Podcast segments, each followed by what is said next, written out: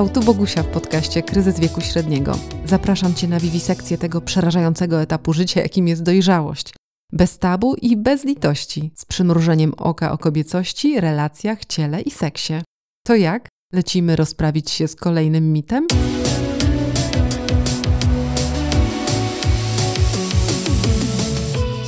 Miłe, ciao moi mili, witam się po raz szesnasty w kryzysowym nastroju. Kto jest tu po raz pierwszy, niech się nie niepokoi oczywiście. Kryzys to jest u mnie raczej pozytywny stan, bunt, ferment i transformacja. Dzisiaj te zmiany nie będą w tak oczywisty sposób radosne, ale akceptowalne i właściwie nawet pożądane, żeby je akceptować, więc zakładajcie słuchawki i lecimy ze wszystkim, co chciałybyście wiedzieć o atrofii tkanek, ale wstydzicie się zapytać. Ale zanim to, jeszcze podziękowania za wszystkie subskrypcje, udostępnienia wiadomości i pomysły. Naprawdę potrzebuję jakichś łatwiejszych tematów na kolejne odcinki, bo ten dzisiejszy mnie solidnie przeczołgał. Kiedy go planowałam, miałam wrażenie, że lekko i humorystycznie przelecę sobie przez galerię zmian, których sama doświadczyłam, no ale okoliczności się zmieniły i okazało się, że trzeba wywalić na wierzch bardzo delikatne bebechy. Wybaczcie mi proszę, jeżeli nie będzie zbyt spójnie i konsekwentnie, ale za to jak zawsze szczerze do bólu. W ogóle to zwierzenie, mam ostatnio jakiś kryzys twórczy, przychodzą wątpliwości, czy moja perspektywa, którą dzielę się w podcaście, kogokolwiek może obchodzić, czy te tematy są w ogóle ciekawe. A co jeżeli skończą mi się pomysły? No dosłownie mnie skręca, więc podrzucajcie proszę inspiracje, są bardzo, bardzo mile widziane.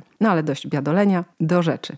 Zawsze wyglądałam na młodszą niż w rzeczywistości. W okolicach trzydziestki byłam brana za nastolatkę. Około czterdziestki dawano mi 25. Do dziś nieznajomym zdarza się zbierać z podłogi szczękę na wiadomość, ile naprawdę mam lat. Niektórzy uważają, że podpisałam pakt z diabłem.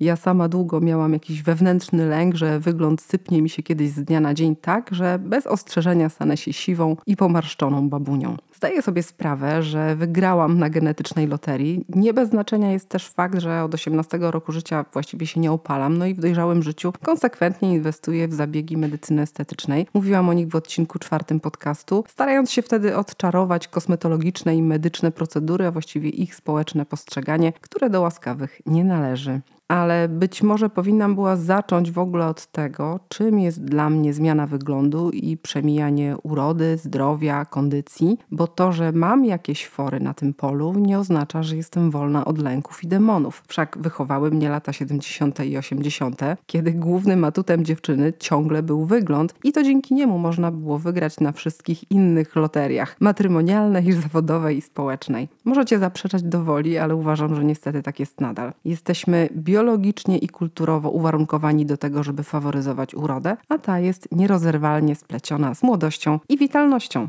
Kiedy myślimy o starzeniu, to boimy się głównie niedołężności, chorób, utraty niezależności i tego, że staniemy się ciężarem dla innych. To właśnie pisaliście mi w odpowiedziach na ankiety, które wrzucałam na Instagram. Nasze czarne sny, bo moje także, to demencja, niepełnosprawność, wyautowanie ze społeczeństwa i samotność. Ale patrząc na rozwój nauk medycznych i rozprzestrzenianie jednak wiedzy o tym, jak opóźniać te degradacyjne procesy w ciele, wierzę, że mamy jeszcze sporo czasu że taki obraz starości to może będzie finisz i jakkolwiek przygnębiająca to perspektywa, to przecież zanim nastąpi, mamy przed sobą jeszcze kupę lat, w których zmiany będą się działy stopniowo i na różnych polach. Jak będziemy sobie z nimi radzić, jak postrzegać, czy będą nas paraliżowały, czy może będą motywowały do jakiegoś działania? No i zasadnicze pytanie, czy będą nas definiować jako ludzi? Kiedy sama wchodziłam w dorosłość, lęk przed przemijaniem był czymś mglistym i dosyć schematycznym. Siwe włosy, obwisła skóra, przygarbiona sylwetka. Kiedy to miało nastąpić? Trudno określić. Wtedy czterdziestka wydawała się tak odległa w czasie, że dalej to już tylko smoki. Młody umysł nie bierze pod uwagę perspektywy własnej degradacji, dlatego skupiałam się na ciele. Wklepywałam więc kremy, pilnie chodziłam na fitness, dbałam i nadal dbam o właściwą dietę. Czasem dołożyłam do tego troskę o dobrostan psychiczny i emocjonalny, odpoczynek, jakieś tam przyjemności. I kiedy mijały kolejne lata, cichutko, żeby nie zapeszyć, broń Boże, cieszyłam się w duszy, że znowu udało się przechytrzyć czas. Mm, oszukuję trochę, bo jednak siwieć zaczęłam dosyć wcześnie, już jako 25-latka znajdowałam srebrzyste nitki we włosach, no ale farbowanie jest tak znormalizowane, że nie zaprzątało mi to specjalnie nomen omen głowy. Kiedy planowałam ten odcinek, chciałam stworzyć taki krotochwilny ranking oznak starzenia, których nawet nie podejrzewamy, że nastąpią, a następują dosyć szybko. Pokazać te znaki czasu wszem i wobec i w ten sposób oswoić z czymś, co jest naturalną koleją rzeczy. Chcecie obśmiać je ze mną? No to trzymajcie się. Osoby o słabych nerwach proszę teraz o przerwanie słuchania, bo będzie bez znieczulenia. Zatem o ile siwizna na skroniach była czymś totalnie do przewidzenia i zaakceptowania, o tyle srebro między nogami już nie. Bo tak, siwe włosy łonowe to jest jak bezpardonowa manifestacja. Tutaj igraszek już nie będzie. Nieczynne, zamknięte, likwidacja. No bo jak wpuścić między uda kogokolwiek w takiej sytuacji? Można oczywiście wyrywać te bezczelne włoski, ale na dłuższą metę staje się to dosyć trudne, nie? Ogolić się na zero? No raz czy dwa jeszcze ujdzie, ale robienie z tego nowej, intymnej rutyny urodowej jest nierealne. Farbować? Brr. Jak pomyślę o tym, żeby stosować tam jakąkolwiek chemię, to aż mnie trzepie. No bo założę się, że podobnie jak ja, nigdy z nikim nie rozmawialiście o tym, że w jakimś momencie siwieją wam wzgórki łonowe i nie da się przed tym uchronić. O ile długoletni małżonkowie na takie drobiazgi pewnie nie zwracają uwagi, zakładam, że siwieją w podobnym czasie, o tyle w przypadku nowych relacji może to zaowocować kompleksami. Zwłaszcza jeżeli w grę wchodzą relacje z partnerem lub partnerką wywodzącymi się z innego pokolenia, co sobie dokładnie omówiliśmy w odcinkach 10 i 11 podcastu. Drugą oznaką przemijającego czasu w moim przypadku było pogorszenie wzroku. Może po to, żeby przestać dostrzegać te siwe włosy, nie wiem. Do okulisty chodziłam od lat profilaktycznie dwa razy w roku. Bardzo prawilnie. Wzrok zawsze miałam sokoli, więc bawiło mnie nawet, kiedy doktor, począwszy gdzieś tak od czterdziestki, za każdym razem droczył się ze mną, czy już wreszcie damy zarobić optykowi. A ja triumfalnie wychodziłam z gabinetu z diagnozą wszystko ok, może następnym razem. Aż do 45 udawało mi się migać, ale kiedy jakość widzenia wreszcie mi się sypnęła, no to już bez odwrotu. Początkowo nawet zdarzało mi się zapominać zakładać oksy do czytania, teraz to już niestety niemożliwe, nawet w tej chwili mam je na sobie. I powiem Wam, że szukanie szkieł w sklepie, gdy chce się przeczytać drobny druczek na opakowaniu jogurtu albo powiedzmy skład tkaniny, to trochę jak bycie przyłapaną z papierem toaletowym przylepionym do obcasa. No gołym okiem widać, że starsza pani, tak? A kiedy pytałam okulistę, czy można coś z tym zrobić, nie wiem, jakaś operacja, laserowa korekcja, przecież technika poszła do przodu, powiedział mi bez litości, że na starczowzroczność nie ma rady tarczowzroczność. Czy można wymyślić bardziej upokarzającą nazwę dla tej przypadłości? Człowiek kipi energią, ma ekscytujące plany, chce podbijać świat i męskie serca, a tu nagle takie sprowadzenie do parteru. Skandal, nie uważacie? No więc wzrok. Co jeszcze się sypie? Twarz, ale nie tak jak większość z nas przewiduje. Bez spektakularnych brust i zmarszczek, bez indyczej szyi, o której Nora Efron bodajże pisała w e, książce Moja szyja mi się nie podoba. Nie trzeba od razu inwestować w golfiki i bluzki z wysokim kołnierzykiem, na lifting też za wcześnie. Regres tkanek zaczyna się tyleż niepozornie, co podstępnie. Owal zmienia się nie z powodu wiotczenia i obwisania skóry lub głębokich zmarszczek. Niby wszystko jest na miejscu. Te same oczy, brwi, usta, a jednak, cytuję, jakoś smutno wyglądasz, wszystko ok? Takie teksty słyszę. A to zanikają kości. Mm, dokładnie, kości i zmieniają się proporcje buzi. Młoda przypomina trójkąt z czubkiem w okolicach brody, starzająca się twarz z kolei to szeroka podstawa i wąska część czołowa. Czaszka się zmniejsza, skóra staje się stopniowo zaluźna, jak zbyt obszerna maska i siłą grawitacji, ale też przez przykurcze mięśni, szczególnie na szyi i dekolcie, ten za duży już pokrowiec się po prostu osuwa i efekty widać jako coraz mocniej rysujące się bruzdy nosowo-wargowe, linie marionetki i tak zwane chomiczki, których nienawidzimy. Ja sama zauważyłam w pewnym momencie, że ile bym nie spała, to moje oczy wyglądają na zmęczone. Brwi jakby się ciutko obniżyły i optycznie zamknęły oko, jakbym nie miała wystarczających zmartwień z powodu tego cholernego wzroku. Brałam wtedy swoją buzię w dłonie i pokazywałam mojej doktor od medycyny estetycznej, że potrzebuję unieść to wszystko. Ale tak troszeczkę, minimalnie, pani doktor, zaledwie o milimetr albo dwa. No, ale to nie jest proste niestety. Można trochę podnieść czoło botoksem, ale na resztę to już chyba tylko lifting chirurgiczny, a na niego czuję się jeszcze za młoda. Zatem opieram się na wstrzykiwaniu biostymulatorów, licząc, że regres nie będzie za szybki, no albo że się po prostu przyzwyczaję. Grawitacja i obwisanie naprowadza mnie na problem, który może nie do końca jest związany z upływem czasu, przynajmniej nie na tym etapie, ale zauważany z opóźnieniem i tak najczęściej właśnie postrzegany jako związany ze starzeniem się. Nie, nie chodzi mi o piersi. będzie dużo gorzej. Teraz biorę głęboki wdech, y, bo naprawdę za moment ściągnę majtki i powiem głośno o czymś, co jest turbo, turbo wstydliwe. No ale ten podcast miał być bez tabu, żeby takie otwarte mówienie o ciele pozwalało nam wszystkim uporać się z kompleksami i zrozumieć, że mamy podobne problemy, tylko że o nich nie rozmawiamy. No więc słuchajcie dziewczyny, bo to dotyczy tylko was, a panów w tym czasie zapraszam do pójścia do kuchni po herbatę, żeby nie słuchali, bo to dosyć okropne. Chodzi o obniżanie lub wypadanie narządów rodnych. Mm, kojarzysz zapewne reklamy pieluchomajtek dla dorosłych, prawda? Nietrzymanie moczu i takie tam. Myślisz, że to cię nie dotyczy, bo masz 30 parę lat? Też tak uważałam. Tego rodzaju kłopoty rezerwowałam w głowie dla pań takich 80 plus powiedzmy. Kompletnie nie docierało do mnie, że sama mogę się z tym zmagać, co w relatywnie młodym, no bo średni wiek to jednak ciągle nie stary wiek. Oczywiście sporadyczne nietrzymanie moczu po ciąży i po porodzie jest fizjologiczne i przechodzi w miarę szybko.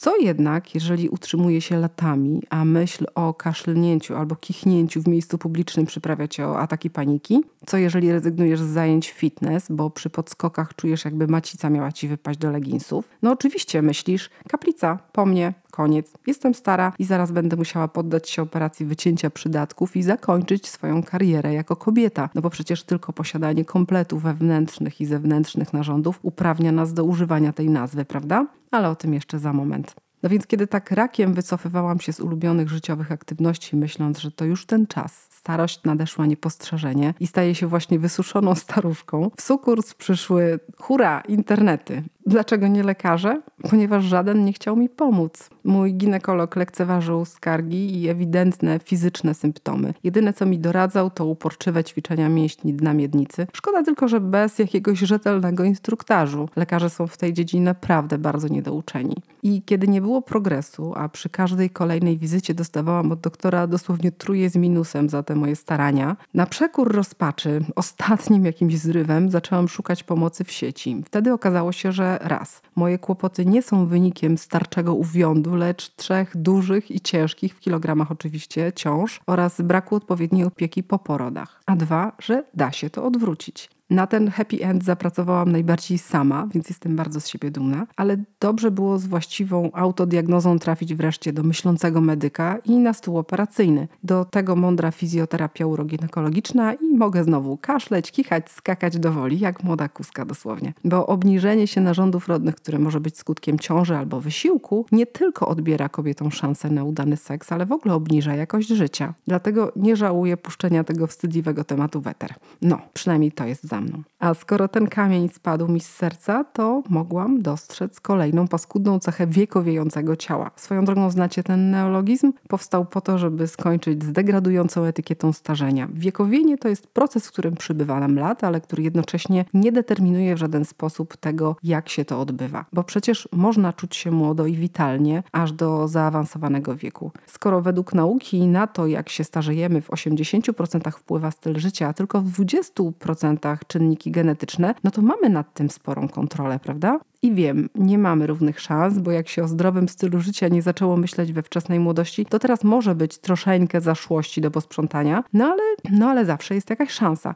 I trzeba też dodać, że nie wszystkich przypadłości da się uniknąć. Ja na przykład zawsze myślałam, że z wiekiem sylwetką będę zamieniać się w typową gruszkę, czyli tłuszczem obrośnie mi pupa i uda, a góra ciała pozostanie relatywnie szczupła. No i tu kolejne zdziwienie. Może nie dostrzeżecie tego na zdjęciach na Instagramie, ale ja widzę u siebie symptomy zamienienia się w jabłko albo literę H, zależy od tego, jakie typy sylwetek się bierze pod uwagę. Jeżeli tyje, to nie w pupie, no to by było akurat marzenie, tego bym sobie życzyła, ale w okolicach brzucha. I to odkładanie tkanki z jednej strony może wynikać z obciążeń genetycznych, e, ponieważ jedna z gałęzi mojej rodziny ma długą historię zaburzeń cukrzycowych, ale może też z hormonalnych właściwych etapowi życia, na którym teraz jestem. I co z tego, że ćwiczę regularnie, trzy razy w tygodniu, moje mięśnie są silne, skoro nad nimi odkłada się oponka, która złośliwie macha papa na pożegnanie w cięciu w talii. I o ile wygląd takiej z gruba ciosanej sylwetki sam w sobie już jest dołujący, to jak się pomyśli o konsekwencjach zdrowotnych, wtedy naprawdę naprawdę robi się niemiło,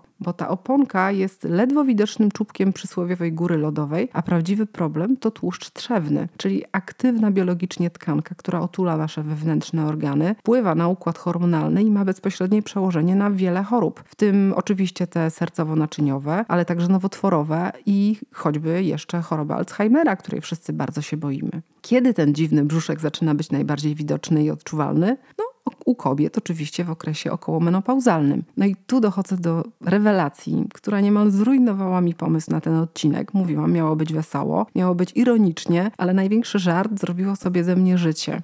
Niby człowiek wie, że jest już w tym wieku, niby czyta publikacje naukowe, niby jest pełen życia i energii, z niekończącym się apetytem na eksplorację coraz to nowych obszarów, ale kiedy dowiaduje się, że wszedł w okres menopauzy, to doświadcza jednak lęków iście egzystencjalnych. Kolejny głęboki wdech i lecę. W tym tygodniu odebrałam wyniki badań na poziom hormonów i nie mogę dłużej chować głowy w piasek. Zaczęło się. No albo skończyło, zależy jak na to patrzeć. Menopauza, klimakterium, przekwitanie. Wypowiadam głośno te straszne słowa, żeby trochę je odczarować. Zanim do nich przywyknę, trzeba jednak rozprawić się z lękami, które generują. Dlaczego mnie, tak pogodzoną i otwartą osobę, stresuje wejście w kolejny etap życia? Zupełnie naturalny przecież. Jak się bliżej zastanowić, to przecież tracę zasadniczo coś, co i tak nie jest mi do niczego potrzebne, a bywa kłopotliwe, no bo chodzi o zdolność rozmnażania się. W tym departamencie zrealizowałam się jednak ponad średnią krajową nawet. Nigdy też nie tęskniłam za kolejnymi potomkami, a moje obecne życie jest właśnie tym, czego pragnę. Zaakceptowałam postępujące zmiany we własnym ciele, te właśnie wynikające z utraty gęstości kości, zmarszczek i tym podobnych. Wybrałam się nawet na misję przywracania widoczności i szacunku dojrzałym kobietom. Dlaczego więc menopauza tak mnie Przeprowadziłam sobie myślowo-czuciowy remanent i wyszło mi, że ta żałoba może mieć dwa podłoża. Pierwsze z nich jak najbardziej ma praktyczne proweniencje. Sensacje fizyczne, które mogą się pojawić, zatem wspomniane tycie, utrata gęstości skóry, zagrożenie osteoporozą, potem uderzenia gorąca, problemy z pamięcią, znowu tycie, no bo przecież to jest ważne. Spadek libido, który dosyć mnie przeraża, huśtawki nastroju, których nie doświadczałam od ponad 10 lat dzięki hormonalnej antykoncepcji. Wiem, że to wszystko nie musi mi się przytrafić, ale powszechna narracja na temat klimakterium jest właśnie taka. To przejście przez czyściec, czasem nawet piekło. Ale czy po drugiej stronie czeka raj? No, też niekoniecznie. No właśnie, i to prowadzi mnie do podłoża numer dwa społecznego postrzegania kobiet w czasie i po menopauzie. Czy myśląc o tym etapie życia widzisz spełnioną, pogodną i seksowną kobietę, czy może smutną, zdenerwowaną, zaniedbaną, taką babę bez ambicji? No właśnie. I nie chodzi mi teraz o to, żeby wszystkie babki wrzucać do jednego worka. Część z nas przechodzi ten etap lżej, część ciężej. Niektóre podlegają dodatkowym obciążeniom, na przykład muszą opiekować się bliskimi i nie mają kompletnie przestrzeni na zajęcie się sobą, na zaopiekowanie się sobą. Część koncentruje się na negatywach i preferuje postawę męczeńską. Zdarza się, znam takie. Inne traktują ten etap jako okazję do przebudowy swojego miejsca w świecie, do samopoznania i wzrostu, ale wszystkie łączy wspólny mianownik. Taki przynajmniej mam wrażenie. Przestają być postrzegane jako istoty seksualne, zmysłowe, a ich cielesność bywa ograniczana do procedur medycznych. Zwykło się uważać, że dojrzałe kobiety same rezygnują z seksu, że potrzebują go mniej. Tak jakby ta potrzeba intymności i przyjemnych doznań ciała były jakoś zintegrowane z płodnością. Prokreacyjny schemat myślenia nic sobie kompletnie nie robi z naukowych odkryć, choćby tego, że jesteśmy obdarzone jedynym w naturze organem służącym wyłącznie dla osiągania przyjemności. Mam na myśli oczywiście łechtaczkę, która nie spełnia żadnej innej funkcji biologicznej i nie przestaje działać wraz z przekwitaniem. Zresztą to słowo też jest w jakiś sposób upokarzające, przecież sama czuję, że jestem w pełni rozkwitu, a nie więdnięcia i obumierania. I wrócę jednak do pytania, które zadaję i sobie, i Wam. Dlaczego ten okres, zamiast być momentem wyzwolenia, kojarzy się z zamknięciem? Dlaczego moja pierwsza reakcja na tę wiadomość to był smutek, a kolejna to złość? Wykrzyczano nawet słowami: To już? Dlaczego, kiedy jestem gotowa rozwinąć skrzydła, przychodzi coś, co chce mi je podciąć, zanim naprawdę posmakowałam życia na własnych zasadach, według własnych priorytetów? Naprawdę nie jestem opętana seksem. Ja, cywilizowany człowiek we mnie potrafi obyć się bez bez tego, całkiem nawet długo, ale strasznie, naprawdę strasznie wkurza mnie myśl, że mogłabym zostać tej możliwości nagle pozbawiona. Albo że realizowanie się, niezależnie od okoliczności, narazi mnie na śmieszność i wytykanie palcami. Nikt nie chce szarpać się ze światem, żeby spełniać swoje pragnienia, prawda? Pewnie wolałabym, żeby samorealizacja dojrzałych kobiet była normą, żebym na etapie nastu czy dwudziestu paru lat miała wokół siebie przykłady radosnych, mądrych kobiet, które nie zwijają żagli tylko dlatego, że ich jajniki wstrzymały produkcję. No, żebym nie widziała w mediach reklam z dojrzałymi kobietami, których jedyną rozrywką jest działka i telewizor, względnie dogadzanie członkom rodziny. I nie, nie w taki sposób, w jaki dogadzać lubię najbardziej. I dlatego myślę sobie, że potrzebujemy mieć na widoku więcej kobiet w okresie meno i postmenopauzalnym i niekoniecznie kobiet sukcesu. Chodzi o przykład zwykłych babek, mam, cioć, przyjaciółek, które czerpią z tego etapu życia to co najlepsze, żebyśmy myśląc klimakterium kojarzyły to z wyzwoleniem, z nowym otwarciem, z dobrocią dla siebie i zdrowym egoizmem. Chciałabym widzieć naokoło, że wszystkie ciała są piękne i dobre, niezależnie od poziomu hormonów w krwiobiegu, zmarszczek wokół ust i siwych włosów na wzgórku łonowym. A przede wszystkim marzy mi się, żeby zniknęła nienawiść i pogarda wobec tych, które mają czelność być widoczne, którym się chce przekraczać obyczajowe bariery i nie wycofywać się z terytoriów do niedawna jeszcze zarezerwowanych dla młodszych pokoleń. Może to naiwny manifest, może mówię teraz do i tak przekonanych osób, ale skoro ja, taka śmiała, bezkompromisowa, doświadczam ciągle tak wielu lęków, to pewnie większość kobiet odczuwa je jeszcze jako bardziej przytłaczające. I nie obiecam teraz, że przestaję farbować włosy i puszczę swoje ciało luzem, niech tam przybiera na wadze bez kontroli. Za bardzo je lubię, naprawdę, za dobrze mi pasuje do samopoczucia, żeby pozwolić mu teraz na rozkład. Poza tym mam sporą garderobę, której zawartości nie mam zamiaru teraz wymieniać tylko dlatego, że przybyło mi parę centymetrów w obwodzie. Siwiznę łonową jakoś przeboleję, owal twarzy przechytrze uśmiechem, a starczowzroczność, cóż, starczowzroczność będzie przypomnieniem, że nie każda opinia na mój temat jest warta zauważenia czy to ma sens?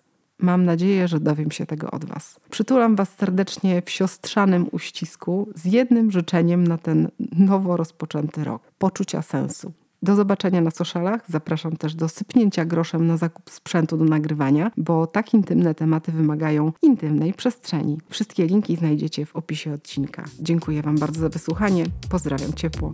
Ciao.